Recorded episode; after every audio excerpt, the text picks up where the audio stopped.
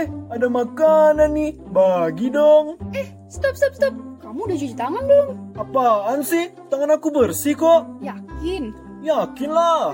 Tahu nggak kalau tangan kita itu area yang paling banyak kuman dan bakterinya loh. Kalau tangan kamu nggak bersih, bisa-bisa nanti kamu sakit perut. Oh, gitu ya. Pantesan aja aku sering sakit perut. Ya udah deh, aku cuci tangan dulu.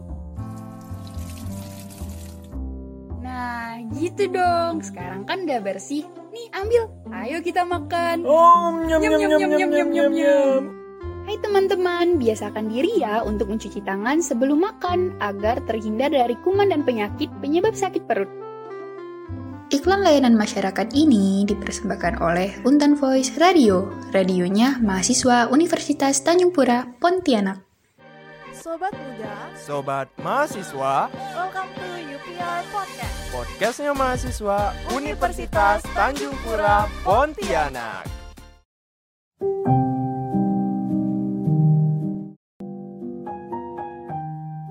Halo Sobat Muda Sobat Mahasiswa Kali ini Dede dan Shiva akan mengisi waktu luang Sobat Muda Sobat Mahasiswa Di mana pun kalian berada Pastinya hanya di UVR Podcast Podcastnya Mahasiswa Universitas Tanjung Pura Pontianak Nah, apa kabar nih sobat muda, sobat mahasiswa?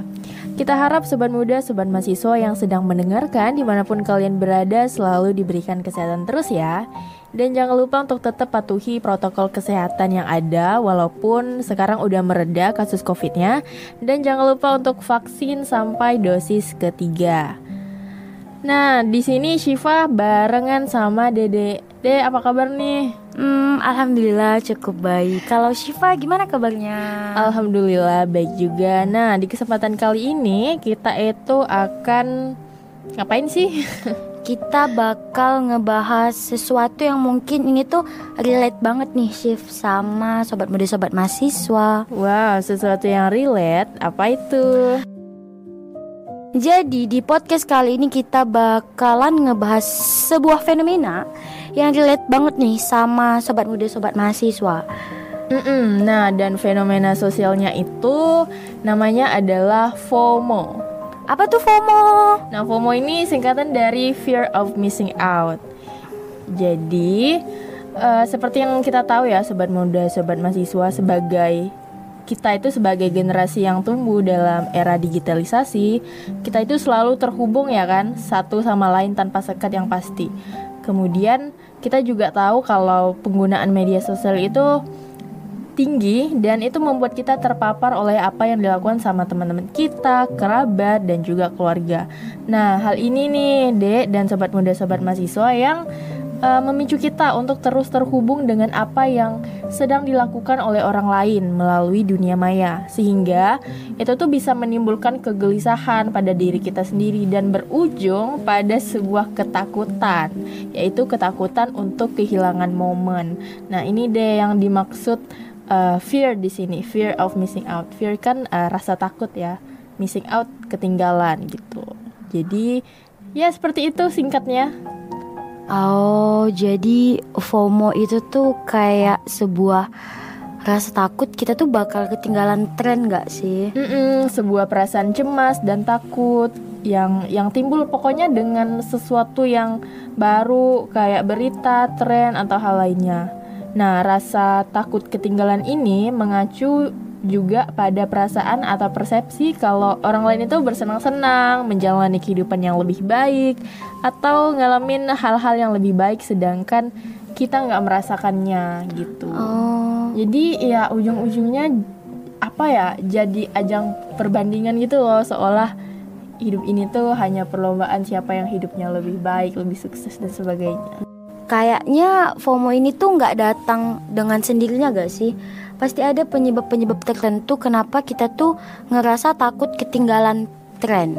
Iya dong, yang pasti banyak banget ya uh, penyebab dari FOMO ini. Nah, salah satunya tadi mungkin yang Shiva sebutin di awal ya, penggunaan media sosial yang tinggi. Oke, uh, kalau menurut Dedek sih ini tuh bak- karena dipengaruhi oleh teknologi yang saat ini tuh berkembang pesat ya. Era digitalisasi saat ini itu tuh pasti akan memaksa kita atau mungkin orang lain di luar sana akan berusaha menyesuaikan globalisasi tadi, digitalisasi tadi. Ah, I see. Nah, nah kalau sekarang itu sih aplikasi yang digemari banget nih sama seluruh orang mungkin di dunia ini tuh adalah Instagram. Ah, Instagram ya, bener banget sih. Instagram nih kayaknya jadi media sosial yang salah satu yang paling populer dan tempat orang untuk ibaratnya pamer kesuksesan, pamer eh, kebahagiaan ya. Dan Dan mungkin emang sekarang tuh udah jadi kayak kebiasaan nggak sih kalau apa-apa eh, yang mungkin kayak pencapaian atau mungkin segala macam aktivitas kita itu kayaknya harus banget ya di share di Instagram. ya bagi sebagian orang Iya. itu kayak udah jadi ya sehari-hari kegiatan sehari-hari mereka dipublish ke Instagramnya masing-masing. Nah, sebenarnya pola hidup yang sangat bergantung sama sosial media ini, khususnya Instagram ya, sobat muda, sobat mahasiswa. Ini ini tuh salah satunya bakal menyebabkan kita tuh mungkin ngerasain kayak takut atau cemas, kayak wah orang lain lagi ngepost lagi jalan-jalan di Jakarta nih, Hmm, sedangkan aku kayak cuman di rebahan rumah. di rumah gitu ya. Kayak atau orang lain udah dapat prestasi menang lomba ini, menang lomba itu atau mungkin temen A, temen B udah pada sempro duluan. Iya, benar. udah pada sempro, udah pada skripsi. Kayak Terus sedangkan mungkin- aku bab satu aja belum jalan Iya gitu kan? kan. Atau mungkin udah ada yang nikah duluan. Oh, Waduh, itu sih ya ampun. makin ketinggalan jauh. Nah, ini nih sobat muda sobat mahasiswa yang mungkin menjadi salah satu penyebab FOMO. Yang yang pertama kita sebutin tadi soal penggunaan media sosial yang berlebihan. Mm-mm, bener banget. Karena kita sadari atau enggak eh, dengan mudahnya tuh seluruh media sosial itu ya udah jadi di kehidupan kita sehari-hari dan jutaan rutinitas kehidupan manusia di dunia itu pasti ada di situ gitu ya. Sebenarnya budaya flexing ini sebenarnya nggak apa-apa sih menurut Dede ya. Hanya aja kayaknya kita perlu adanya pembatasan nggak sih terhadap porsi kita memposting sesuatu. Apalagi kalau misalnya kita tuh sampai memposting hal-hal yang eh, berbau privacy atau mungkin menyangkut identitas diri yang sifatnya itu sensitif, aku rasa itu udah berlebihan banget. Iya juga harus tahu batasan nih sih apalagi yang tadi ya disebutin Dede berkaitan sama privacy dan juga eh, data diri kita itu berbahaya loh bisa dimanfaatkan sama orang yang yang licik untuk suatu tindak kejahatan. Jadi teman-teman dan sobat muda sobat mahasiswa tetap harus berhati-hati dalam bermedia sosial dalam berbagi momen kalian. Boleh kok tapi tahu batasannya yang mana yang boleh dipublish dan yang mana yang nggak boleh. Oke, selanjutnya penyebab dari FOMO apa nih, Dek? Nah, eh, jadi Dede ada baca sebuah penelitian yang dilakukan di Amerika nih, Sif. Jadi itu hasil penelitiannya membuktikan bahwa ada sebanyak 249 orang remaja yang menghabiskan waktu mereka di depan smartphone selama 8 sampai 10 jam setiap harinya. Nah, mengutip dari ScienceDaily.com, manusia di dunia ini memiliki kecenderungan mengukur standar hidup mereka berdasarkan unggahan media sosial milik artis ternama dan juga selebgram atau influencer. Oke, mungkin hal ini tuh berkaitan kayak seperti yang kita singgung tadi di awal ya. Eh, misalnya artis A ngeposting ini terus kita jadi pengen juga Mm-mm, Dan ya ujung-ujungnya jadi membandingkan kehidupan kita dengan kehidupan orang lain. Padahal eh, pun kehidupan orang yang sukses misalnya kita juga nggak tahu kan perjuangan mereka di balik kesuksesan itu.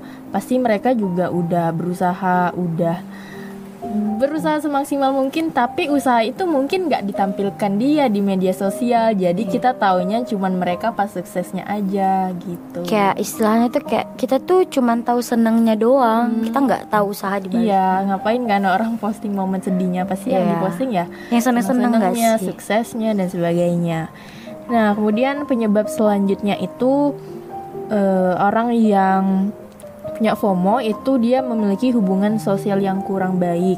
Nah, jadi ada penelitian nih dari mahasiswa Universitas Mula Warman di Samarinda, Kalimantan Timur. Jadi di penelitian itu mengatakan kalau seseorang mengalami rasa takut kehilangan momen itu dapat terjadi karena tidak memiliki hubungan atau kedekatan yang baik di lingkungannya. Nah, jadi yang dimaksud di sini adalah sahabat dekat yang bisa mendengarkan cerita dan selalu ada waktu di saat mereka membutuhkannya. Nah, mungkin mereka memiliki teman, tapi tuh ya teman sekadarnya dan ketika mereka sama temannya juga sibuk dengan dunianya itu. Jadi itulah penyebab uh, utama remaja itu mencari pengalihan dengan berselancar di media sosial untuk menemukan apa yang dicarinya ya ujung-ujungnya balik lagi ke media sosial tadi ya. Iya. Karena kak. dia nggak punya teman dekat untuk bercerita dan berkeluh kesah, akhirnya balik lagi ke media sosial. Atau mungkin bukan cuman sama teman deket kali ya Sif, sama keluarga juga mungkin apa ya kurang terbuka begitu. Uh, kadangkala kita itu uh, harus cari pengalihan lain.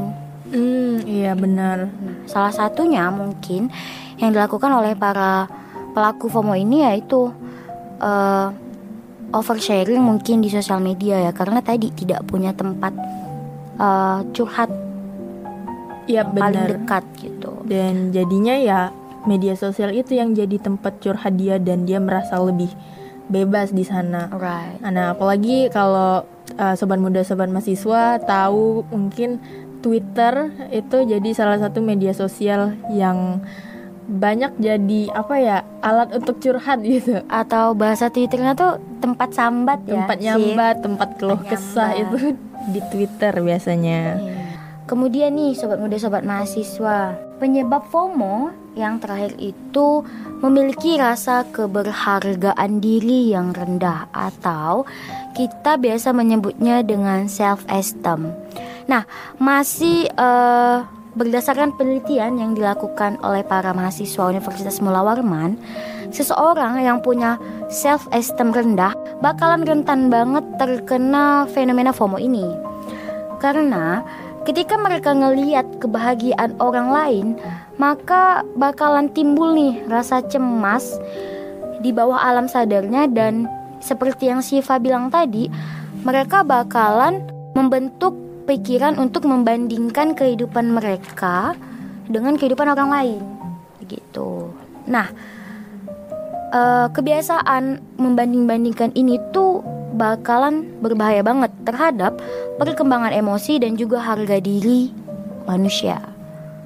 Kayak gitu Wah, sih. ternyata uh, walaupun kesannya sepele ya membanding-bandingkan, tapi ternyata itu punya efek yang besar juga untuk kita dan uh, emosi kita dan juga self esteem tadi.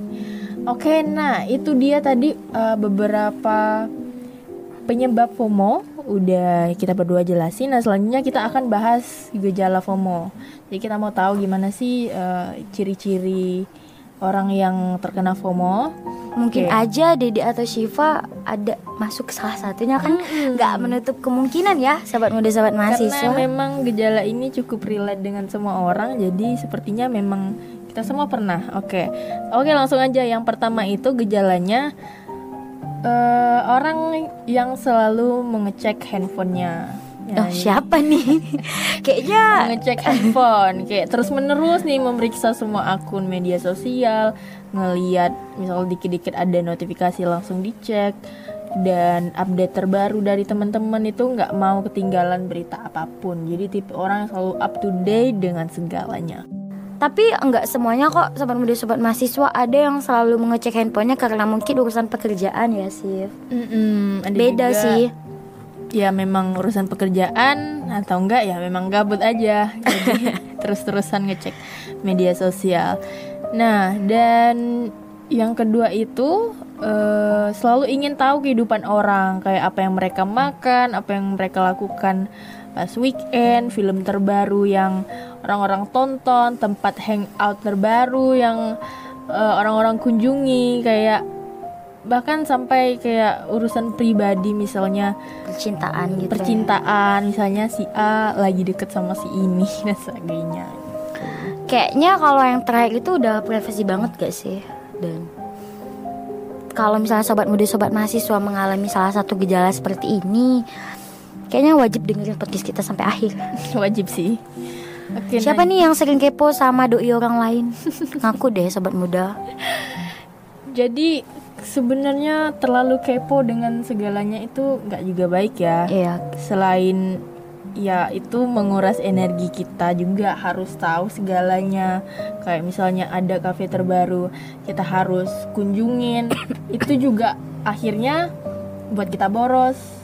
Dan- menjadikan kita orang yang konsumtif. nggak terlalu berguna juga gak sih Mm-mm. kecuali emang punya kepentingan ya kecuali emang kalian tuh kayak eh, apa ya vlogger ya konten creator konten gitu ya. creator yang emang ya Harus nge-review tempat-tempat baru gitu. tempat tapi kalau hanya untuk sekedar eh, nggak mau Eh, mereka yang FOMO ini kayak mau pergi ke tempat-tempat yang baru tuh kayak karena nggak ada kepentingan gitu Mm, karena tujuannya memang nggak mau ketinggalan Iya, aja karena iya. orang lain udah pada ke sini nih masa kita belum gitu Heeh. kan Sedangkan orang yang ya memang mau ke situ, dia memang ada ketertarikan, mungkin dia tertarik sama desain interior kafe di sana atau makanannya dan sebagainya gitu. Jadi memang ada alasan pribadi kenapa dia mau ke situ. Next, gejalanya itu kalian rela untuk ngeluarin uang yang melebihi kemampuan kalian. Ya, jadi ya kayak kamu tuh eh, kalian itu nggak mau ketinggalan zaman, kayak jadi kalian rela menggunakan kartu kredit untuk beli tas, beli sepatu model terbaru ataupun handphone yang paling canggih, iPhone 14 mungkin ya yang terbaru ini. Jadi ya kayak you're willing to live beyond your means gitu, nggak sesuai dengan kemampuan kita. Jadi ya ya hiduplah sesuai dengan budget kita masing-masing ya. Karena emang mungkin itu kunci ya. Eh, bersyukur adalah kunci. Oke gejala yang selanjutnya adalah ini sih agak gimana sih ya. Karena kita selalu pengen tahu gosip yang terbaru. Ciri khas kita yang selalu pengen up to date ini bikin kita selalu mengikuti banyak akun gosip, Siva. Tura, Iya, atau nah kalau Siva sendiri ngikutin nggak sih? Eh tapi ini aku boleh boleh nanyain ini boleh boleh, boleh.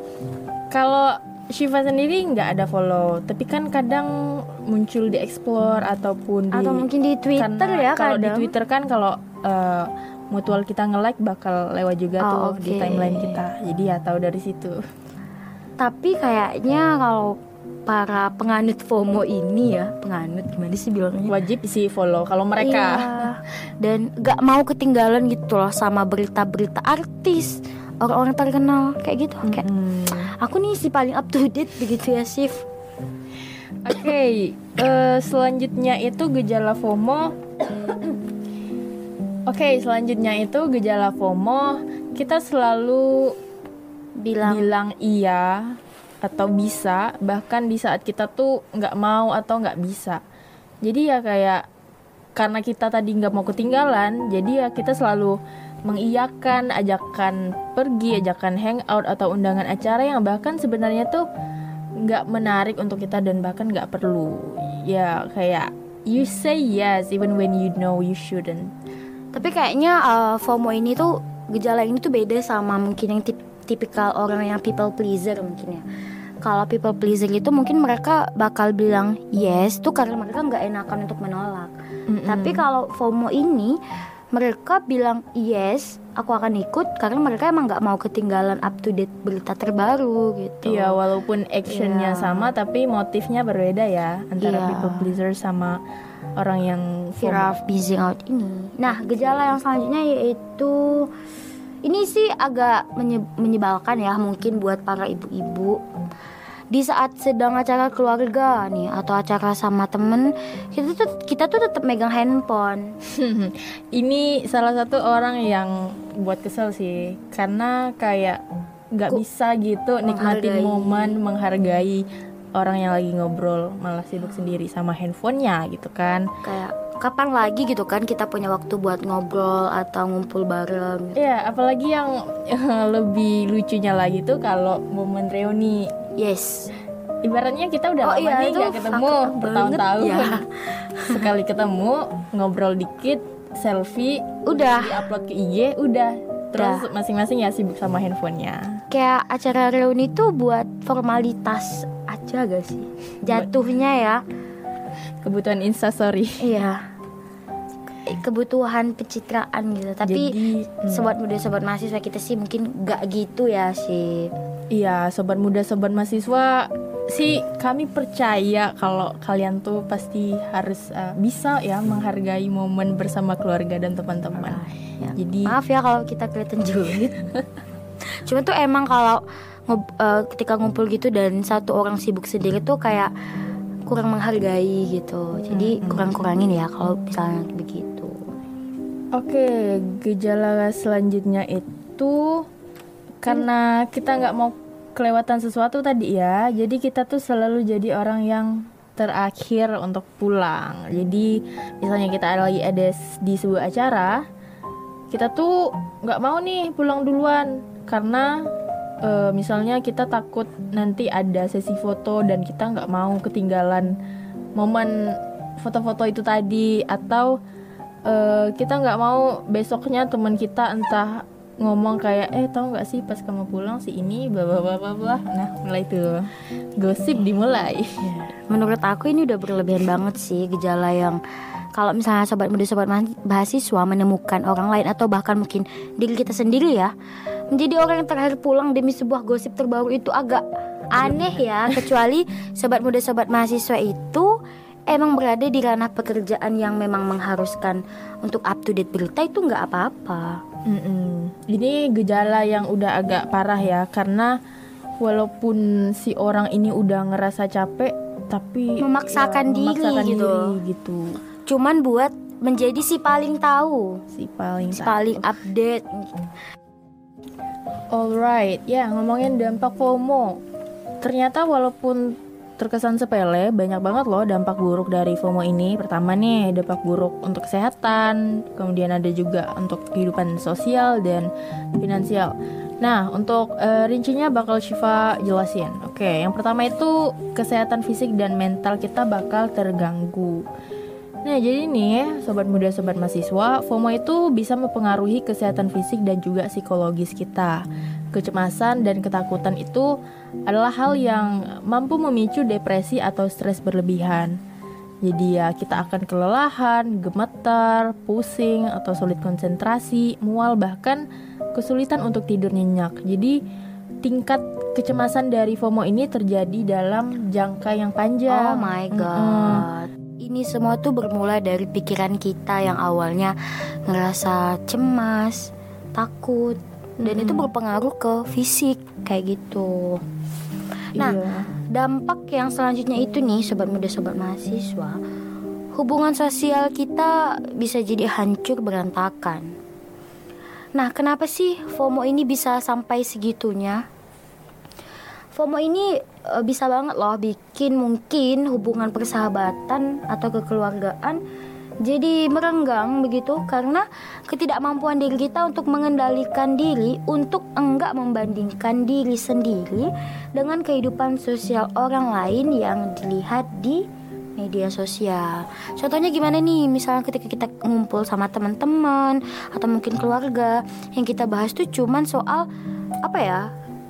Enaknya hidup jadi orang lain eh, atau kesenangan yang dialami orang lain. Misalnya kayak ih dia enak ih dia tuh enak banget ya hidupnya bisa kayak gini sekolah eh, jajanannya banyak. Iya.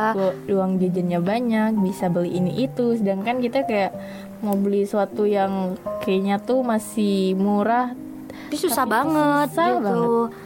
Nah dampak selanjutnya ini apa nih Shiva Oke, nah dampak selanjutnya itu berhubungan sama finansial. Jadi ketika orang FOMO itu finansialnya pasti bakal terkuras habis tanpa terkontrol.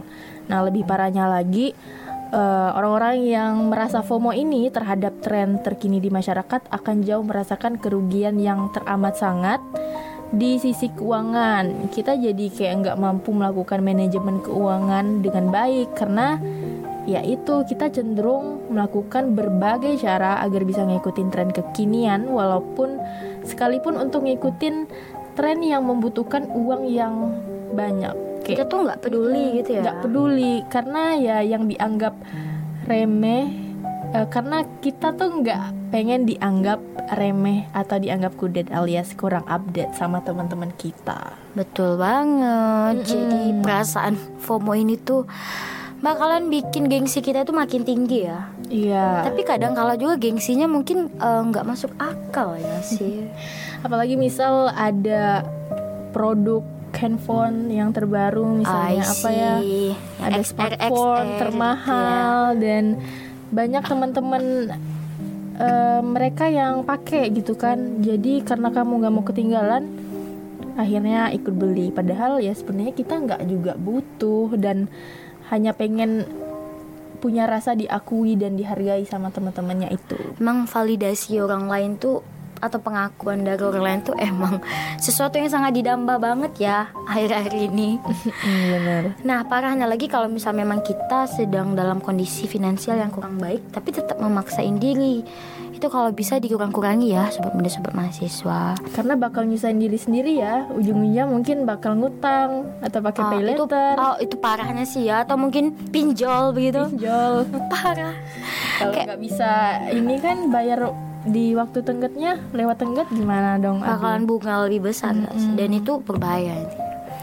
Oke, kita tadi udah bahas pengertian FOMO, gejalanya, dampaknya seperti apa. Nah ini yang paling penting dan harus didengarkan oleh sobat muda, sobat mahasiswa yang mungkin pernah mengalami fear of missing out. Itu bagaimana cara mengatasi FOMO?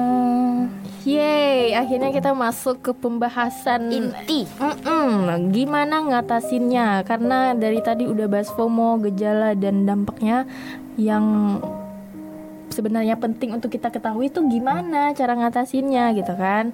Nah, yang pertama itu adalah dengan menerima diri kita sendiri. Uh, kalau setiap orang itu wajar loh untuk memiliki kekurangan, maka perasaan untuk ketinggalan dari orang lain itu bukanlah suatu kesalahan. Dan kita juga tidak perlu membandingkan diri dengan orang lain karena ya setiap orang berbeda-beda dalam menjalani kehidupan kita gitu. Dalam cara mengatasi FOMO yang selanjutnya nih, dan ini mungkin paling mudah untuk kita lakuin ya, Sif, yaitu membatasi penggunaan media sosial dan smartphone. Kayaknya ini termasuk yang susah deh. Oh iya kak, tapi tapi kan Untuk gini ya. saya pribadi. Oh oke, maaf. Untuk saya pribadi ini karena itu tadi ya udah ketergantungan sama media sosial jadi membatasi penggunaan media sosial bagi sebagian Orang. besar orang itu termasuk hal yang sulit loh. Ya, tapi eh, hal yang sulit itu bukan berarti nggak bisa dilakukan. Bukan berarti nggak bisa. Iya. Sebenarnya kita mau nggak mau harus membatasi demi kesehatan kita. Cuman bedanya kalau manusia FOMO ini ya, Sif, Hmm? mereka ini kan menggunakan handphone tuh kadang buat mengecek hal-hal yang sebenarnya nggak perlu dicek begitu. Mm-mm. Nah, kadang kala juga kita sering ngecek HP itu karena kita pengen tahu postingan terbaru dari orang lain dan itu kan sebenarnya kita harus membatasi hal itu Iya, karena seminimal mungkin ya. Mm-mm. Karena nggak penting juga sih harus tahu kehidupan teman-teman kita. Lebih baik daripada terlalu kepo sama kehidupan orang lain, fokus sama kehidupan kita sendiri. Ya, atau hobi kita. yang kemudian adalah ini menurut aku penting banget dan bisa kita lakuin ya yaitu bagaimana kita berusaha untuk menghargai diri sendiri kalau menurut laman Very Well Mind nih menuliskan bahwa dengan menghargai diri sendiri kita tuh dapat meningkatkan perasaan bersyukur dan mengurangi FOMO. Nah, kalau misalnya seseorang fokus pada hal-hal baik yang kita miliki dan bersyukur, maka kita tuh nggak akan punya waktu atau kesempatan untuk merasakan iri atau mungkin merasa kekurangan terhadap apa yang kita punya gitu. Hmm, karena tadi ya udah bisa menghargai diri sendiri ya. Jadi apa pun pencapaian yang orang lain capai itu nggak lagi berefek untuk kita. Iya, Malah mungkin menjadikan itu motivasi. Karena kita tuh harus percaya kalau kita itu punya timeline kita masing-masing. Benar-benar. Kita punya garis start yang berbeda dengan orang lain. Medan terjal yang kita lalui juga nggak sama. Jadi kenapa kita harus menjadikan kehidupan orang lain itu patokan gitu buat diri kita? Ya nggak apa-apa kalau orang itu nikah di usia 20 tahun Wisuda di usia 19 tahun mungkin Atau punya gelar doktor di usia 25 tahun gitu ya. Itu nggak apa-apa Itu jalan hidup masing masing orang berbeda ya gak sih? Iya, wah mantep banget nih kata-kata dari Dede. Semoga bisa jadi ya, motivasi untuk sobat muda, sobat mahasiswa dan gak terasa ya nih Dek. Ternyata kita udah banyak banget nih berbincang tentang fear of missing out. Nah, semoga apa yang kita sampaikan di podcast kali ini bisa bermanfaat dan menjadi em, bahan dengar yang bermanfaat ya buat sobat muda sobat mahasiswa Apalagi kalau sobat muda, sobat mahasiswa tadi eh, ngerasa kamu mungkin menderita pernah menderita FOMO itu tadi kita juga udah kasih cara mengatasinya. Semoga bisa bermanfaat. Dan jangan lupa untuk terus dengerin UVR Podcast di Spotify dan Anchor. Dan follow juga official account sosial media kita di Instagram at LPMUntan dan Untan Voice Radio. Nah, buat sobat muda, sobat mahasiswa yang tertarik sama isu-isu kampus, isu-isu kota Pontianak dan sekitarnya, bisa banget nih untuk ngebaca tulisan-tulisan di mim- di mimbaruntan.com dan juga kita juga punya video-video jurnalistik yang keren-keren ya. Banget. Itu di Miun Channel. Dan Dan- juga kalau mau jajan-jajan itu ada di Miun Market. Makanannya enak harga terjangkau. Di mana lagi kalau bukan di Miun Market? Nah, sobat muda sobat mahasiswa jangan sedih karena kita bakal mengakhiri podcast kita. Karena sobat muda sobat mahasiswa bisa banget nih kalau mau request topik podcast Atau mungkin mau ikutan podcast bareng kita oke nah mungkin cukup sekian ya sobat muda sobat mahasiswa. So, see you on the next podcast. UVR Podcast, podcastnya mahasiswa Universitas Tanjung Pura, Pontianak